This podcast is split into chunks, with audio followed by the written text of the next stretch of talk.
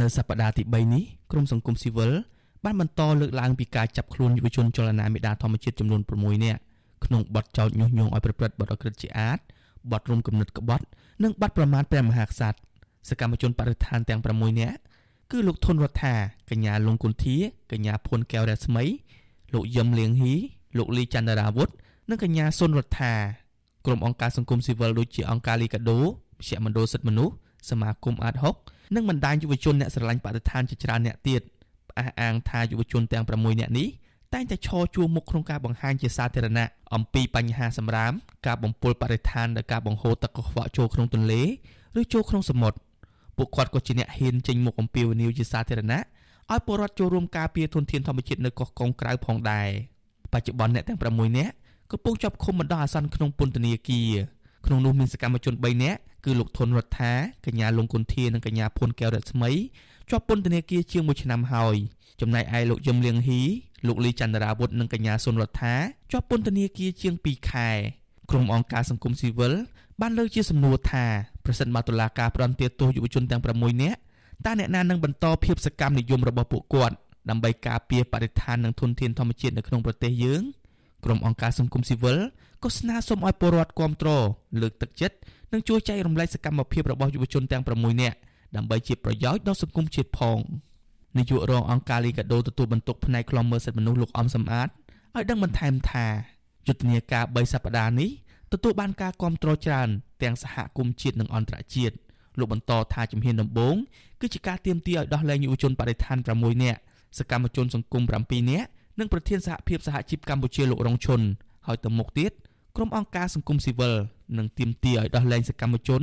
និងអ្នកការពារសិទ្ធិមនុស្សផ្សេងទៀតលោកអះអាងថាយុទ្ធនាការនេះគឺជាការតស៊ូមតិនិងគ្មានគោលបំណងដាក់សម្ពាធដល់ស្ថាប័នណានោះឡើយ។ ព្រោះអានេះបើយើងមើលទៅវាជាការមួយដែល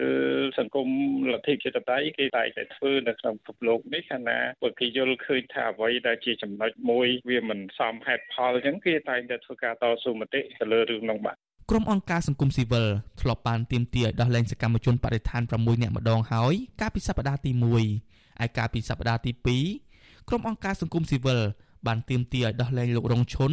និងសកម្មជនសង្គមចំនួន7នាក់ នៃក្រមខ្មែរថាវរៈនិងសមាជិករបស់សមាគមនិស្សិតបញ្ញវន្តខ្មែរ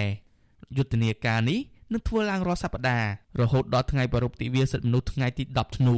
វិសុអសិសរីមិនអាចសុំការបញ្ជាក់ពីខាងភាគីរដ្ឋាភិបាលនិងខាងតុលាការបានទេនៅថ្ងៃទី23ខែសីហា